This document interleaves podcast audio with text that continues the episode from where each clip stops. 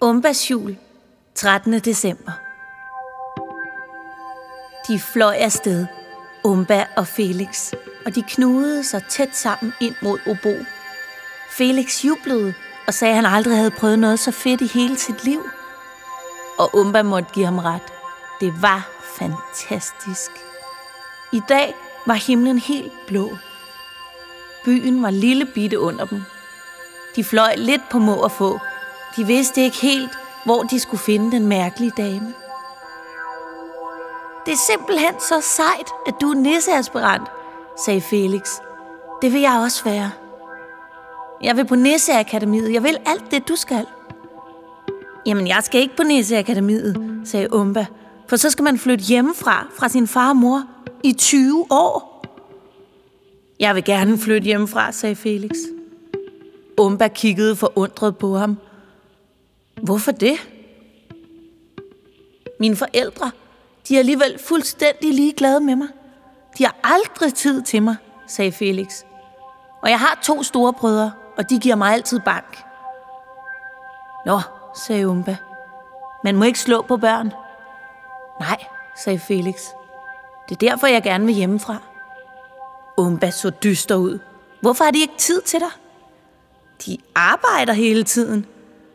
Min far, han arbejder i en bank. Det er det aller værste sted for guldfeber. Han er helt skør. Alting handler bare om penge, penge, penge, penge, penge. Og min mor, jeg ved ikke, hvad hun laver, men hun er altid sur og meget travl. Og det er hende, der skal gøre det hele derhjemme. Min far er altid på forretningsrejse. Og så har hun også en vigtig karriere. Og tre møgunger. Det siger hun i hvert fald. Umba rystede på hovedet. Når jeg bliver borgmester, sagde hun, så tror jeg, jeg vil afskaffe penge. Nå, sagde Felix. Hvad skal man så leve af? Det ved jeg ikke, sagde Umba. Men jeg synes i hvert fald, det er rigtig dumt, at man skal være så meget på arbejde for at tjene så mange penge. Jeg tror også, jeg synes, at weekenden skal være meget længere. I hvert fald tre dage, sagde Umba. Felix kiggede beundrende på hende. Du har så mange idéer. Det er derfor, de har udvalgt dig. Nej, sagde Umba. Jeg er ikke noget særligt. Det var bare fordi, jeg sagde, at jeg ville flytte hjemmefra. Jeg mente det slet ikke.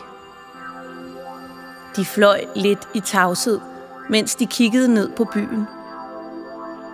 De ledte efter et storcenter med en stor parkeringsplads uden foran. Umba mente, hun havde været der før, og det kunne ikke være langt væk, men alle storcentre ligner hinanden, så det var svært at vide, om det var det rigtige sted. Obo dykkede lynhurtigt ned, og det kildede sådan i maverne, at Umba og Felix de skreg og grin. Skal vi prøve det her sted? sagde Obo. Jeg synes, det ligner en parkeringsplads. Den her parkeringsplads var ikke tom. Der var biler over alt. Og storcenteret var ikke øde og forladt.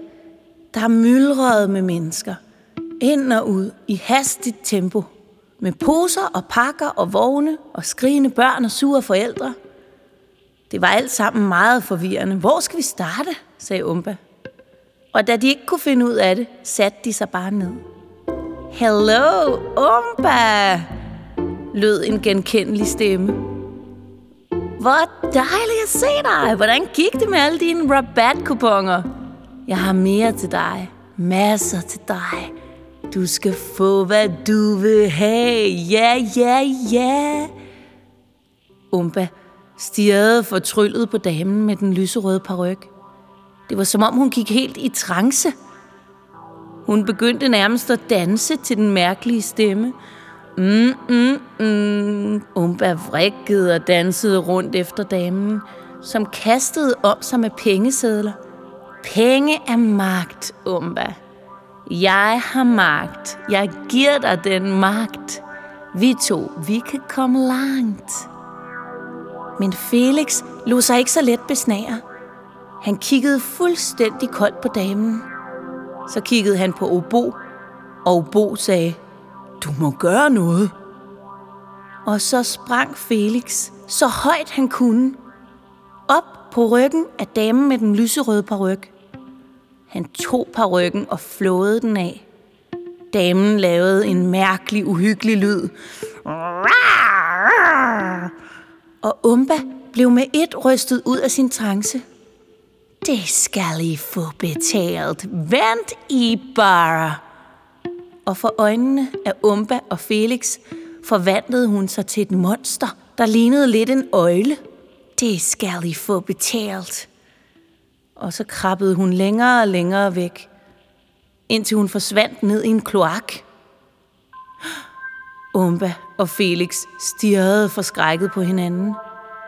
Åh, oh, oh, sagde Umba. Det er meget værre, end jeg havde forestillet mig. Godt, du ikke sådan lige bliver smittet med guldfeber. Ja, men så har jeg da lært noget godt hjemmefra, sagde Felix og kunne ikke lade være med at grine. Han stod med den lyserøde paryk i hånden. Den må vi hellere tage med, sagde Umba. Ja, sagde Felix. Det er sikkert et vigtigt spor. Lad os tage til Grønland og mødes med de andre. Jeg tør ikke følge efter hende. Hun var alt for uhyggelig.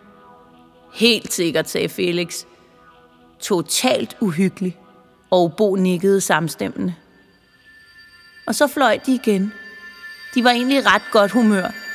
De havde jo på en måde klaret den mærkelige dame. Og ikke mindst var de glade for at have hinanden. Obo var også glad, og han fortalte vidtigheder hele vejen til Grønland, og børnene kluklo, selvom vidtighederne ikke var særlig sjove. Og Bo blev så glad, at han lovrede med halen som en kæmpe stor hundevalg.